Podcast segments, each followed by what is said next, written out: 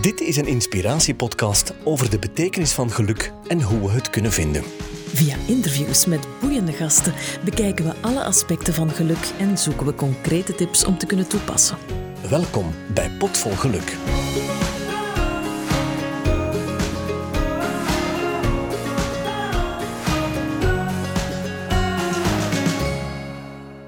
Wij zitten weer al alleen in de studio. Dag Sophie. Hallo. Maar we gaan zo dadelijk iemand bellen waar ik alweer, ik geef het toe, ik ben vaak opgewonden over onze gasten, maar deze keer zeer terecht, denk ik. We hebben weer al een, een, een, hele grote meneer in ons midden. Iemand waar we toch wel lang achter gezocht hebben, hè, Sophie? Absoluut. Wij wilden iemand die ons neurologisch kon vertellen wat er nu met die dopamine en die uh, serotonine, mm -hmm. wat er nu daadwerkelijk gebeurt. Want wij kunnen als coach wel heel veel zeggen, zo kan je gelukkiger worden of zo kan je geluk vinden, maar uiteindelijk moet daar toch een wetenschappelijke verklaring voor zijn. Voilà. En dat bracht ons bij dokter professor Bart van Wijmeers, de neuroloog die verbonden is aan de Universiteit in Hasselt en aan het Biomedisch Onderzoeksinstituut Biomed. En het is absoluut niet de eerste de beste, want die meneer, die professor, die heeft twee jaar geleden een ereteken van de Vlaamse gemeenschap gekregen als erkenning voor zijn wetenschappelijk werk. En ik ga er gemakkelijkheidshalve nu even vanuit dat je dat niet zomaar krijgt. Mm -hmm. Dus ik ben er klaar voor en hij heeft me net laten weten dat hij ook zit te wachten, dus we gaan hem meteen bellen. Dokter professor Bart van Wijmeers. Dag meneer van Wijmeers, goedemiddag. Uh, goedemiddag, Luc. Sophie is er ook bij. Goedemiddag, Sophie. Goedemiddag, allebei. Bart, we zijn een beetje vereerd, want wij keken eigenlijk uit naar een persoon die ons zowel wetenschappelijk als psychologisch kan vertellen wat er in ons hoofd gebeurt en wat dat er met geluk en zo gebeurt, want uh, zo'n persoon hadden we nog nooit aan de lijn gehad. Uh, ik voel mij dan al vereerd dat je mij um, ja, ziet als de persoon die daar uh, u veel van kan zeggen. Want eigenlijk weten we daar niet zo heel veel van. Hè. Ja. Uh, de wetenschap is, is daar toch beperkt. Hè. In heel veel van de processen, hoe dat onze hersenen werken, zijn we, zijn we niet alleswetend. En hoe komt dat? Is dat omdat er weinig onderzoek naar gebeurt? Of omdat er, dat het gewoon zo complex is dat het moeilijk te achterhalen valt? Er, er gebeurt heel veel onderzoek, maar het is zeer complex. En, en zeker in dingen waar... Uh, zoals ja, hoe, hoe, hoe, voelen wij ons goed, of, of psychiatrische aandoeningen zoals depressief zijn of, of uh, gelukkig zijn en zo.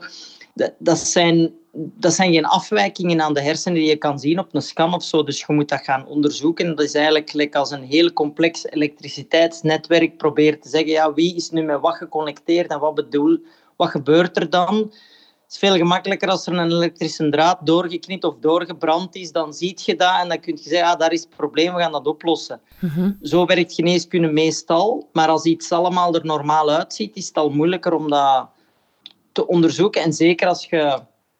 Ja, bij hersenen is, zijn er miljarden connecties. Ja, het is heel moeilijk om daar dan... Uh, juist in te zijn. Of dat wat, en, en ook bij iedereen een beetje anders. Mm-hmm. Het is bijna te vergelijken als met pijn. Hè? Als je nu zou zeggen, ja, dat doet pijn. Dan zijn er veel mensen die heel goed hun pijn kunnen beschrijven, maar andere mensen niet. Maar je kunt je voorstellen dat er veel soorten pijn zijn. Een stekende pijn, een doffe pijn, een, een zeurende pijn, een, een, een, ja, een branderige pijn en zo verder.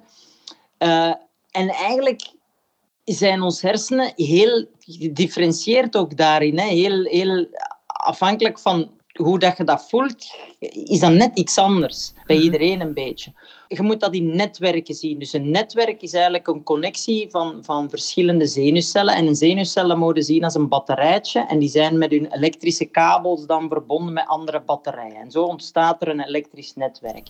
Mm-hmm. En er zijn elektrische netwerken die um, toch meer verbonden zijn met een, een laten we zeggen, een down gevoel, een, een slecht gevoel.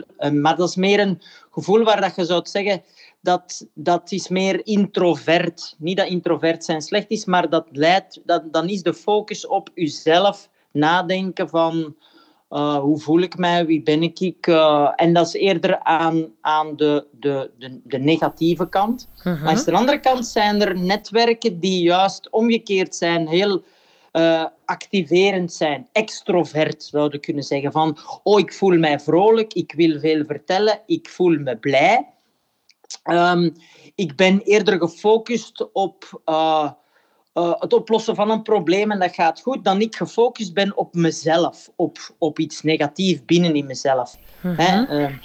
En dan is er eigenlijk, daar, tussen die twee netwerken kun je eigenlijk schakelen. Dus je zou bijna kunnen zeggen, ik ben uh, happy of ik ben down. Het is nu heel eenvoudig gemaakt, want daar zitten allerlei tussenstadions tussen. Hè. Mm -hmm. En dan zijn er eigenlijk netwerken die een beetje zoals een, een, een, uh, een schakelaar werken, die, die stuurt. Zo van, kijk, alle input die binnenkomt, emotioneel, gevoelsmatig, die wordt ge, ge, geëvalueerd, geprocessed.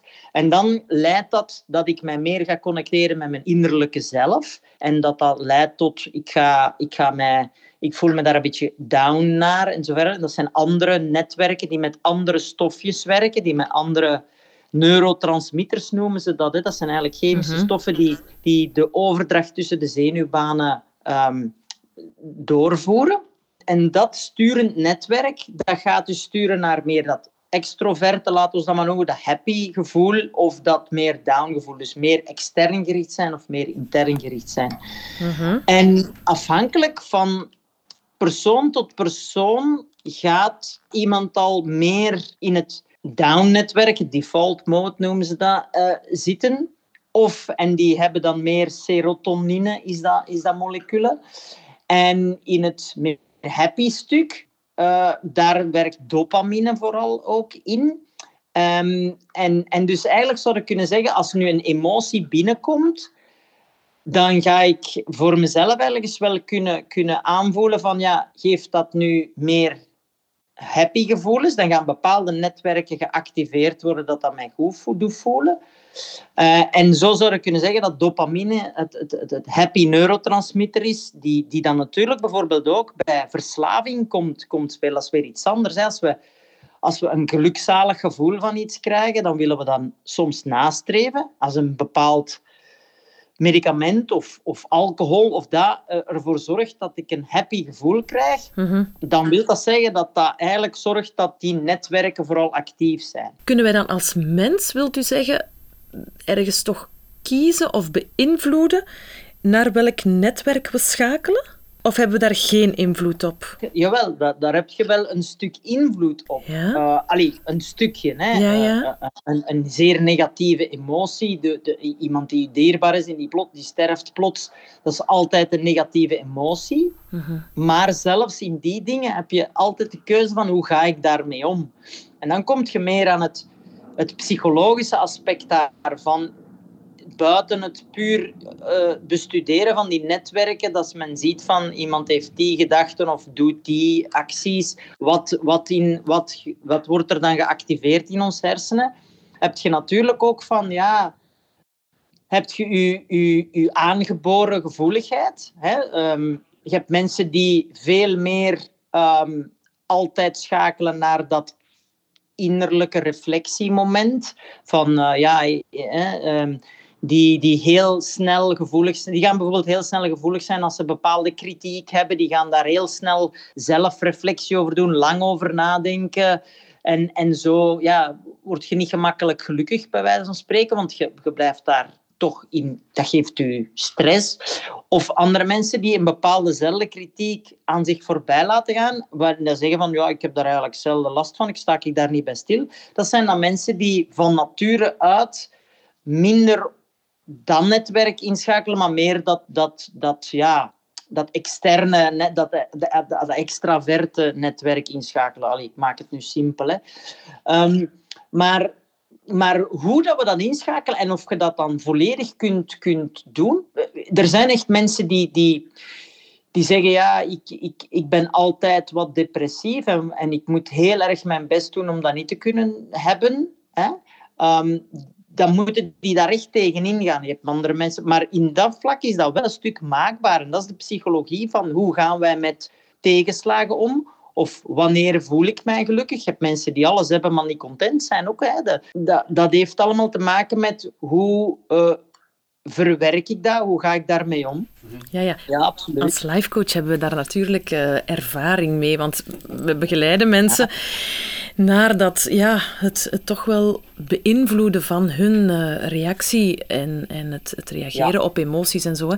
Dus vandaar dat het heel boeiend is voor ons om, om dit nu eens uh, wetenschappelijk uitgelegd te krijgen. Ja, als ik het goed begrijp, dan zijn wij van nature een beetje aangeboren om al dan niet hierop te reageren, zoals je zegt, ofwel in stress ofwel in die happy modus. Maar zijn wij bij machten om de manier waarop wij ons lichaam trainen, om dat ook daadwerkelijk te beïnvloeden? Bestaat die mogelijkheid echt? Ja, ja, absoluut. Dat, dat, dat, bestaat altijd in alles van, van onze hersenen. Hè. En dat, dat mhm. heeft zowel goede als slechte aspecten.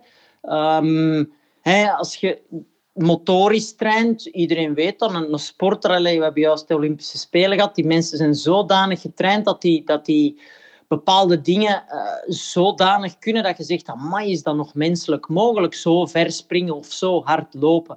Hè, dat zijn die netwerken die dat, die dat moet doen, zodanig getraind dat dat, dat, dat enorm kan. Ja. Um, omgekeerd, uh, um, ja, negatieve dingen. Uh, er is onlangs wel wat uitgekomen rond, rond bijvoorbeeld pijn. Dat is eigenlijk interessant.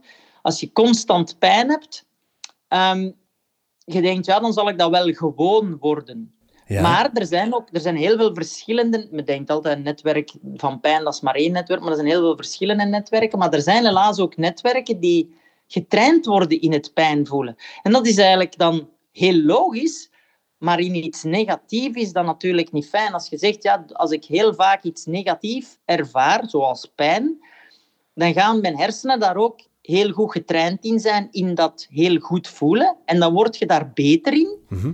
En eigenlijk ook gevoeliger. Zodanig dat zelfs op een gegeven moment een bepaalde prikkel die je krijgt, um, ja, sneller gevoeliger wordt en sneller omgaat tot pijn. Zo zie je soms dat mensen zeggen, ja, ik had eigenlijk een, een lokaal pijnsyndroom in mijn arm, maar nu doet eigenlijk heel mijn lichaam of, of een heel groot stuk van mijn lichaam pijn. Ja. En dan kom je eigenlijk tot als je dan bij een klassieke dokter komt en je zegt, ja, maar dat letsel ligt daar. Je kunt toch niet op een andere plaats dan waar dat letsel ligt pijn hebben. Maar dat is eigenlijk dat dat netwerk uitbreidt en gevoeliger wordt en gevoeliger. Eigenlijk wordt dat gewoon beter getraind. Mhm. Een pianist die oefent, die kan op een gegeven moment met zijn vingers dingen doen waar je zegt, amai, dat, dat kan ik niet. Hè? En Na, na zoveel tijd kan die dat wel, dus zijn er heel veel connecties bijgekomen. Bart, maar ik zou het graag willen omdraaien, want wij als lifecoach, wij willen natuurlijk dat de focus ligt op een, op een contenter leven. Dus wij krijgen vaak mensen in de praktijk binnen die wel ergens uh, psychomatisch of psychologisch met een probleempje zitten en wij zouden die focus graag willen verleggen na dat beter voelen.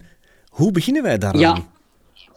Wel, um, ik denk, ik ben, ben, niet, uh, ben, ben geen psychotherapeut, hè, maar, maar alle events, alle levensevents die op ons komen, uh, daar moeten we mee omgaan. En uh -huh. we zien natuurlijk, ja, men noemt dat, ik noem um, dingen die je stress opgeven, of alles wat, wat kan, kan stress opgeven, of, of wat u goed of slecht doet voelen.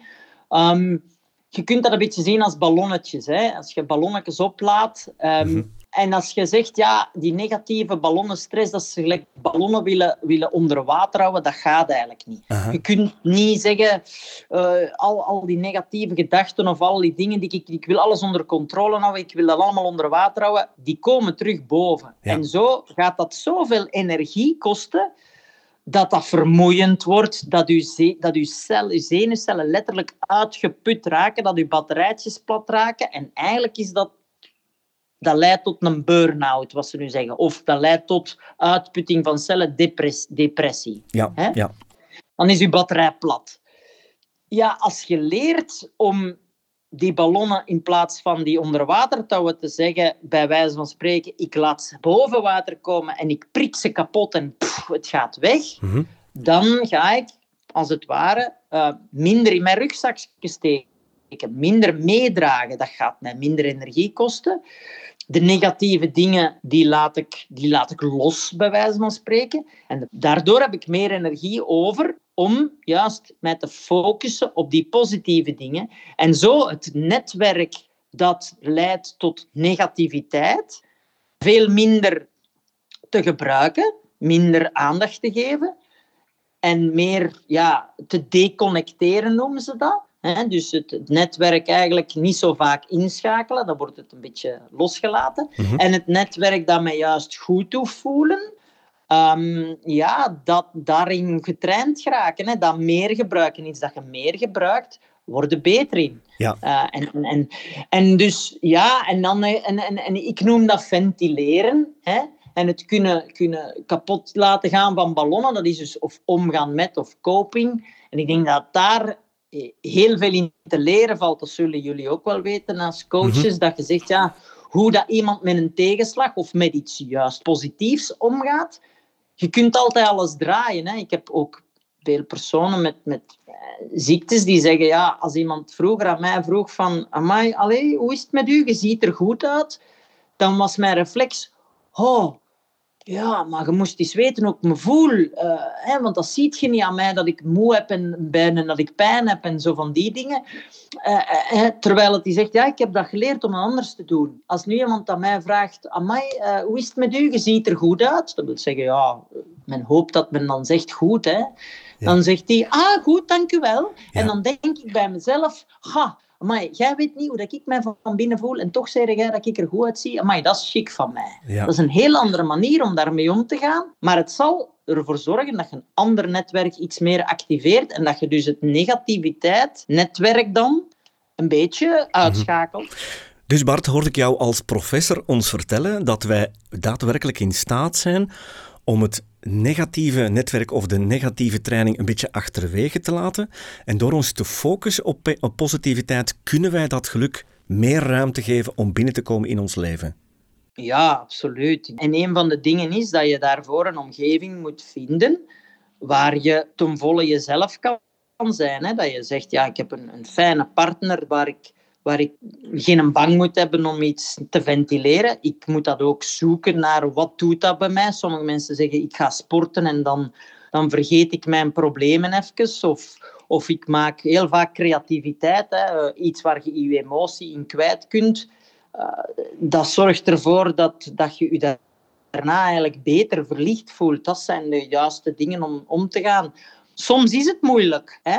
Um, en soms heb je medicatie nodig. En juist die medicatie gaat ook de netwerken die, die uitgeput zijn, zoals serotonine en dergelijke, gaat die een beetje uh, herstellen. Terug de batterij wat beter doen opladen. Dat noemen ze dan antidepressiva. En zo werken die dingen. En soms heb je mensen die van aangeborenheid een, een daar heel grote gevoeligheid voor hebben. Die zeggen, kijk, ik ben perfect gelukkig uh, dat ik, alles is goed, maar toch, als ik die pilletjes niet neem, dan kan ik mezelf niet zijn. Omdat ik aangeboren daar een heel, heel sterke neiging toe heb. En ik moet dat wat veranderen. Dat is zoals iemand zeggen, ja, ik heb wat autisme of ik heb, uh, ik heb wat ADHD. Dan zeggen die ook van, wil ik mijn vol potentieel kunnen gebruiken, heb ik die hulp nodig. Maar de meeste mensen hebben dat niet. Hè? Maar daarin, ik, ik pleit er eigenlijk voor, dat is misschien grappig om te zeggen, maar ik, ik zou er eigenlijk voor pleiten dat in, in, in middelbaar onderwijs of zo er een vak psychotherapie of psychologie komt, waarin alle kinderen vroeg leren hoe ze moeten omgaan met stress, hoe ze moeten leren ventileren, leren, leren ja, negatieve dingen om te buigen naar positieve dingen, waardoor dat we wellicht gaan zien dat er veel minder burn-outs zijn, dat ze veel beter kunnen aangeven zelfzorg, hè, waarom dat, dat beter gaat. Absoluut, daar zijn wij mede voorstander van. Um, en zeker ook dat aspect van loslaten. Hè. U, u uh, verklaart het heel mooi met die metafoor van de ballon onder water die dan boven komt en kan losgeprikt worden. Uh, omdat, ja, dat is een, een van de keywords waar mensen dikwijls mee, mee afkomen van hoe kan ik loslaten, hoe kan ik uh, ja. er op een andere manier mee omgaan en het, en het effectief achter mij laten. Um, u spreekt daarover, hè, bijvoorbeeld mensen die seroton serotonine iets minder in hun bloed hebben, of in, is dat dan bloed? Klopt dat wat ik zeg? Nee, nee, nee dat is de, echt wel binnen in de, in de hersenen. Ja. Wordt dat dan gemeten? Kan dat uh, vastgesteld worden? Uh, nee, in de, in de, in de, in de laten we zeggen, dagdagelijkse praktijk en zo kan dat niet echt vastgesteld worden. Ik denk wel dat er, dat er ja, goed, connecties zijn en, en metingen mogelijk zijn om dat ergens op te vangen, maar, maar dan, uh, ja, dat is meer experimenteel. Maar, maar eigenlijk in de dagdagelijkse praktijk met een scan of met een bloedname of dergelijke kan dat helaas niet. Mhm. Bijvoorbeeld in de psychiatrie of psychologie uh, heb je eigenlijk weinig van die dingen zoals bloed nemen en daaruit een diagnose komen. Zoals we zien, van, ah, je suiker is hoog, dus je hebt suikerziekte, dus je moet een pilletje nemen tegen suikerziekte en je moet op dieet. Ja, zo kunnen we niet echt zien wat dat iemand mankeert om, om het juist uh, een depressie of iets anders te, te, te herstellen. Hè. Dus dat is vaak ja, uh, testen. Hè. Bart, wij gaan ongetwijfeld de vraag krijgen hoe dat wij jou gevonden hebben of wat jouw dagdagelijkse taak is, want daar hebben we het nog niet over gehad. Kan je in een notendop vertellen hoe jij tot deze kennis bent gekomen? Wat houdt jou bezig? Eigenlijk is, is, uh, is dit helemaal mijn, mijn, mijn werkgebied niet zo. Ik ben uh, uiteraard neuroloog, maar binnen de neurologie ben ik uh, gespecialiseerd in neuroimmunologie. Dat zijn dus ziektes van het immuunsysteem en de hersenen. En een van de meest voorkomende ziekten daar is multiple sclerose. Mm vandaar dat ik ook mij vooral bezighoud met die ziekte. Uh, en daarvoor werk ik in het uh, revalidatie- en MS-centrum, in, in, dat is in Noord-Limburg, in Pelt. En dat is verbonden, eh, ook verbonden aan de Universiteit Hasselt, waar wij eh, daar veel wetenschappelijk onderzoek voor over doen. Ja, goed, en zo kom je via wetenschappelijk onderzoek, kom je dan wel al eens wat weten over hoe dat de hersenen werken en zo van die dingen. Hè. Dus vandaar dat ik daar ook wel een woordje over kan meepraten, maar er zullen ongetwijfeld grotere specialisten zijn van die netwerken. Ja, ja, ja. Ehm, inderdaad. Want Bart, je blijft een beetje bescheiden, want jij reist de hele wereld af. Jij bent wereldpopulair om overal lezingen te gaan geven. Dan ben je toch iemand die van dat soort materie toch wel kaas gegeten heeft? Neuroimmunologie of multiple sclerose, uh, daar, uh, dat, is, dat is mijn dada. Hè. Daar, uh, allee, ik denk dat onze universiteit en ons centrum daar wel... Um, ja, internationaal ook wel bekend is. En, en dat allee, samen met nog andere grote, grote uh, onderzoekscentra en, en, en dergelijke. Dus, dus, maar dus, dat is ook een luxe. Hè? Als je met één onderwerp kunt bezighouden, kun je er ook veel meer in de diepte gaan. Uh, dus dat, dat maakt het ook wel boeiend. Anders zou je zeggen, ja, het is saai, je houdt je maar met een heel klein stukje van de geneeskunde of van, van de neurologie bezig. Maar het, het is zo diepgaand en, en, en eh, gespecialiseerd dat, um, ja, dat, dat boeiend blijft. Hè. Wat mij interesseert um, is die neurologische aandoeningen of ziektes. Kan dat ergens verbonden worden met hetgeen wat wij zo net besproken hebben? Kan, kan daar ook een, een schakelnetwerk uh, voor ingeschakeld worden om, om zo'n ziekte om te buigen? Kunnen wij met onze hersenen bijvoorbeeld een ziekte als MS ombuigen?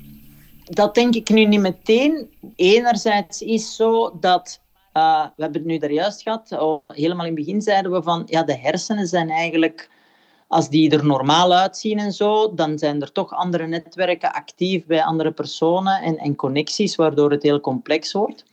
Dus dan zou je zeggen, iemand hè, die geluk voelt of depressief is, daar zie je niks, daar vind je niks op scans of afwijking, dat is geen echte ziekte. Maar het is, een, maar het is, wel een, maar het is beïnvloedbaar. Maar omgekeerd kan je dan ook zeggen, als er dan wel letsels in de hersenen komen, dat maakt niet uit door multiple sclerose, waar er ontstekingsletsels zijn, doordat ons immuunsysteem onze eigen hersenen aanvalt en beschadigt. Maar je kunt ook zeggen door een, door een trauma, een verkeersongeval, door een tumor in je hersenen of een beroerte, een infarct of zo kan er, kan er dus beschadiging komen. En dan kunnen die netwerken ook beschadigd geraken. En dat is heel moeilijk, want we verstaan dat allemaal niet perfect. Hè? Wat, wat als je één stukje van het netwerk beschadigt, hoe reageert de rest daarop? Maar wat je dan wel soms ziet, is dat mensen zeggen, ja, die was vroeger zo en nu, na die letsels, heeft hij het veel moeilijker met is die, is die veel vrolijker of juist veel depressiever of juist ontremd zijn, dat bepaalde gedragsveranderingen heel duidelijk zijn. Dus dat is één aspect dat zeker kan, dat, dat sommige letsels veranderingen maken in hoe dat, hoe, hoe dat iemand zich gedraagt of, of hij geluk voelt of niet. Uh, omgekeerd, als ik spreek dan meer van neuroimmunologie, dan heb je het immuunsysteem. En dat is ook weer iets heel aparts. Dat is eigenlijk bijna zo complex als de hersenen. Dat wil zeggen, ons immuunsysteem ons afweersysteem. En we hebben eigenlijk maar één afweersysteem in onze lichaam. En je moet dat vergelijken met, ik heb één leger in mijn lichaam dat mij verdedigt. En dat moet mij verdedigen tegen alles. Dat wil zeggen tegen virussen en tegen bacteriën, rook en toxische stoffen die we binnen doen. Dan, dan, daar moeten we ons tegen verdedigen. Maar ook tegen mentale aanvallen op ons lichaam. Dus stress gaat effectief ook wel ons immuunsysteem op scherp zetten. Uh, ik leg altijd uit tegen de mensen, uh, stel dat jij in je huis zit en elke uur rijdt er een, een, een tank van het leger door je straat. Uh, ja, ga dat schiet je huis nog niet kapot, maar je krijgt daar toch stress van, van wat is er aan de hand en zo verder. Dus je blijft al binnen, je, je bent al bang, we zitten in een lockdown gezeten ook. Dat gaf heel veel mensen veel stress. Je moet niet vragen als, als het immuunsysteem in je hersenen zit of je immuunsysteem gaat is, is het leger dat eigenlijk alles moet controleren in je lichaam, dat alles wel oké zit, dat kan ook in verwarring raken. Dus eigenlijk mensen die veel stress ervaren, die ongelukkig zijn, als we dat verder trekken, die zijn vatbaarder voor immuunziektes. Die zijn vatbaarder voor infectieziektes. Juist mensen die heel goed in hun vel zijn, happy zijn en, en vaak ook fysiek. vandaar is bijvoorbeeld sporten heeft ook een fantastische invloed op je hersenen, omdat dat juist veel energie en positiviteit geeft. Dat zorgt ervoor dat je immuunsysteem eigenlijk een beetje sterker wordt, beter is. Een goede sporter wordt net iets minder vaak ziek of iemand die gelukkig is. Het is niet altijd zo eenvoudig natuurlijk. Hè. Een, een ziekte zoals multiple sclerose ehm, we weten zeer goed als er in die mensen hun leven een, een, een zware stressor komt, zoals iemand dierbaar die plots overlijdt, dan weten we dat die, die immuunziektes plots even slechter kan worden. Uh, we kunnen het immuunsysteem dan ook behandelen en controleren, zodanig dat als er van die events zijn, want ja, het leven is nu eenmaal stress en je kunt niet vermijden dat er zoiets gebeurt, uh, dat maar als dat gebeurt, dat we dan toch kunnen zorgen dat die ziekte niet verslechteren, dat we dat onder controle houden. En tegelijkertijd proberen die mensen, en dat is ook wat we bij ons in het centrum proberen te doen, hè, dat noemen wij multidisciplinair werken. Dat is, dat is inderdaad zorgen dat er, dat er klinisch psychologen zijn die niet alleen kijken naar uh, ja, de verwerking van de ziekte, maar die ook kijken naar hoe kunnen we zorgen dat je beter met stress omgaat en dergelijke. Dat, die, ja, dat, dat in principe die, die situaties zo goed mogelijk zijn. Hè. Bart, denk je dat een multidisciplinaire methodiek ook voor ons als coaches zou kunnen helpen? Dat wij vanuit verschillende hoeken onze, onze bezoekers kunnen behandelen en zodoende meer geluk kunnen aanleveren? Oh ja, dat denk ik wel. Uh, eerlijk gezegd, uh, dat is niks nieuws. De, de Grieken en, en uh, in die tijd, we spraken al van een gezond lichaam en een gezonde geest. Um, dat moet een beetje samengaan. Ik denk multidisciplinair werken. Goh, mensen die zeggen. Het is heel duidelijk aangetoond dat, dat je geheugen bijvoorbeeld beter werkt als je, als je sport. Dat is raar, iets fysiek dat met je geheugen te maken heeft. Maar het is op verschillende manieren in, in vorm geraken hè, en omgaan met die dingen. En, en hoe dat iemand stress verwerkt of geluk ervaart of anders naar de wereld kijkt uh, dankbaarder is voor wat hem heeft. Mhm. ja, dat, dat, dat, dat kan je op heel veel verschillende manieren benaderen. Soms is er zo'n rare mens die zegt: God, dankzij deze ziekte die ik nu heb, apprecieer ik het leven beter. En dan zeg je, ja, amai, dat is wel straf dat je dat durft zeggen en kunt zeggen. Want uiteindelijk denkt die mens ook op een moment dat hij pijn heeft of dat hij zich niet goed voelt, zegt hij, verdomme, die rotziekte had ik liever niet gehad. Maar op het moment dat hij ervaart van, kijk, ehm, ik, ik, ik ervaar hier wel meer de waarde van het leven nu, omdat ik weet wat het is om, om, om, uh, om zo eens even niet te voelen. Ja, dat is straf dat je dat kunt te bovenhand laten nemen. Hè. Ja. Heeft voeding een invloed? Um, ik ben overtuigd van wel, maar het is niet zo eenvoudig om te zeggen, uh, ja, eet nu uh, een appel elke dag en dan ga je gelukkiger zijn. Mm -hmm. um, alhoewel dat er stoffen in appels zitten die, die goed zijn voor je hersenen trouwens. Maar eh, als jij bijvoorbeeld eh, iets populairs, eh, suiker, eh, dat geeft je energie, maar nadien heb je vaak een energiediep. Mm -hmm. um, En snelle suikers zeker. En als we suiker uh, of koolhydraten arm eten, dan gaan we zo'n beetje in. Je kunt dan zelfs in ketose gaan, noemen ze dat. Dat wil zeggen dat eigenlijk je aan vetverbranding doet. En uw vetten, dat is eigenlijk een, een heel andere energiebron. Ik leg het altijd aan de mensen uit. Als je nu een huis hebt dat met gas of met mazoet verwarmd wordt, dan heb je vetverbranding is de gas en, en, en mazoet is suikerverbranding. En je kunt kiezen op wat dat je werkt. Maar als wij altijd suiker pakken, ja, dan gaat die, die, die, die mazoetketel gaat sneller verslijten misschien. Mhm. Terwijl afwisselen is beter, maar het zijn ook andere energiebronnen. En dan vind je soms dat mensen zeggen, die zeggen, ah, ik, ik eet nu veel minder calorieën, ik eet minder suikers, ik eet gezonder en daardoor voel ik me energieker. Als je je energieker zet, zijn je flexibeler, kun je beter om met tegenslagen. En gaan we die dopamines aanmaken? Ja, voilà. Ja. Mhm. en, en eigenlijk, onze hersenen die werken ofwel op suikers ofwel op ketonen, op soort vetzuren. Dus de, ofwel op vetverbranding ofwel op suiker. Mhm. Eigenlijk is ons, zijn ons lichaam erop gebrand om suikers te hebben. Waarom? Omdat die in de natuur niet zo voorhandig zijn en dat is eigenlijk reserve opslaan. Mhm. Nu natuurlijk, in de huidige maatschappij zit er overal suiker in, omdat wij juist van nature als we dat tegenkomen, willen we dat juist opslaan, omdat dat ons reserveopslag is. Maar als je dat altijd krijgt, ja, dan, dan stapelt je vet op. Dus als je geen suikers neemt en je neemt vetten, dan gaan je, je hersenen op ketonen ook een keer draaien.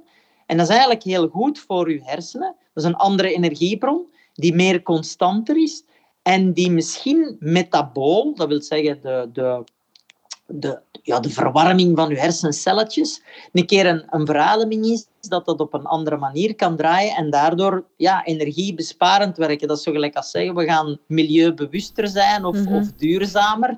Hè?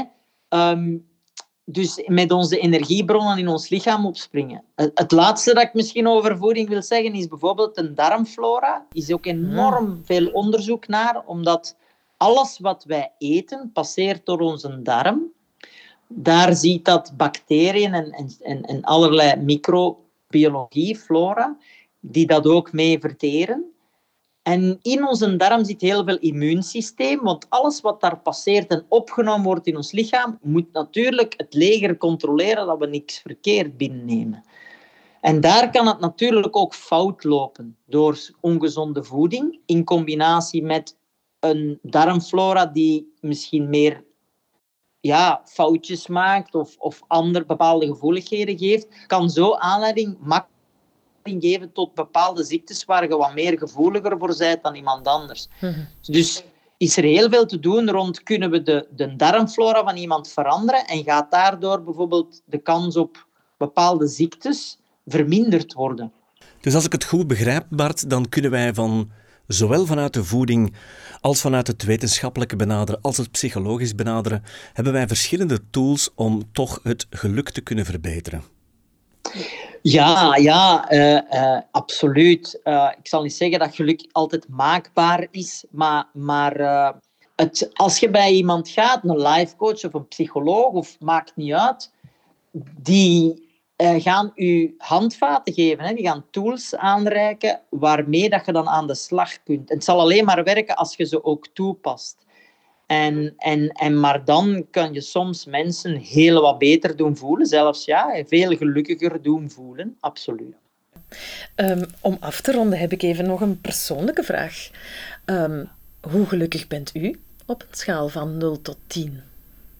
Dat scheelt al van dag. Ja? dat scheelt al eens van dag tot dag. Ja. Uh, maar ik heb absoluut 10 op 10 en daartussen. Uh, en, en ik zal al eens een keer een, een, een 6 of zo ook hebben. En om maar onder de 5 gaat dan hierop. Okay. Um, maar ik moet zeggen, ik voel mij zeer bevoorrecht. Um, en en ik, ben, uh, ik ben daar heel dankbaar voor dat ik ja, al die dingen heb kunnen en mogen doen. Ja. Ehm, is dat voor u geluk, uw, uw werk? Of, of, of waar, waar vindt u uw geluk? Oh.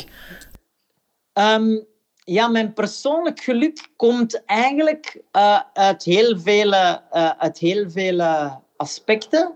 Hm. Ook uit mijn werk, uh, ook uit, uit mijn privé-gezinsleven, uit, uit uh, allemaal dingen kunnen doen en beleven. Ja. Maar het komt eigenlijk altijd op neer dat ik, uh, dat ik gelukkig word als ik, uh, als ik dat kan delen en als ik andere mensen ook kan helpen en gelukkig maken. Dat is ook iets. Hè. Dat, dat, dat, dat zal mijn geluknetwerk, dan, om het zo te zeggen, in mijn hersenen veel dopamine geven. Hè.